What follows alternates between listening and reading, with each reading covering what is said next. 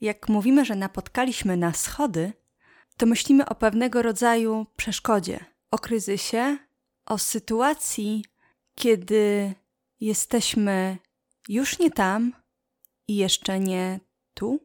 W kontekście poszukiwania wiary, Boga, duchowości, schody to bywa miejsce osób, które nie mieszczą się już ani w lewej, ani w prawej nawie kościoła, nie mieszczą się w przedsionku, więc przysiadły na schodach. Chciałabym posiedzieć na schodach, szczególnie obok tych, którzy siedzą już plecami do wyjścia.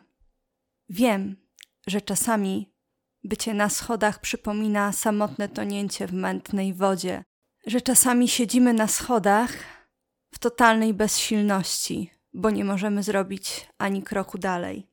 Przysiadłam na schodach też dlatego, że ciągle miliony osób wokół nas co niedziela mówią słowa wierzę w Boga.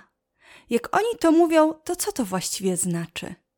Wierzę, że na schodach można przysiąść obok drugiego człowieka i poszukać wspólnego sensu. Siedzę na schodach, bo wierzę w uwalniającą moc opowieści.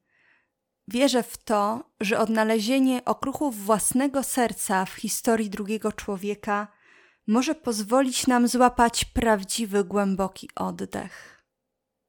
Jeśli chcecie posiedzieć na schodach razem ze mną, serdecznie zapraszam do słuchania.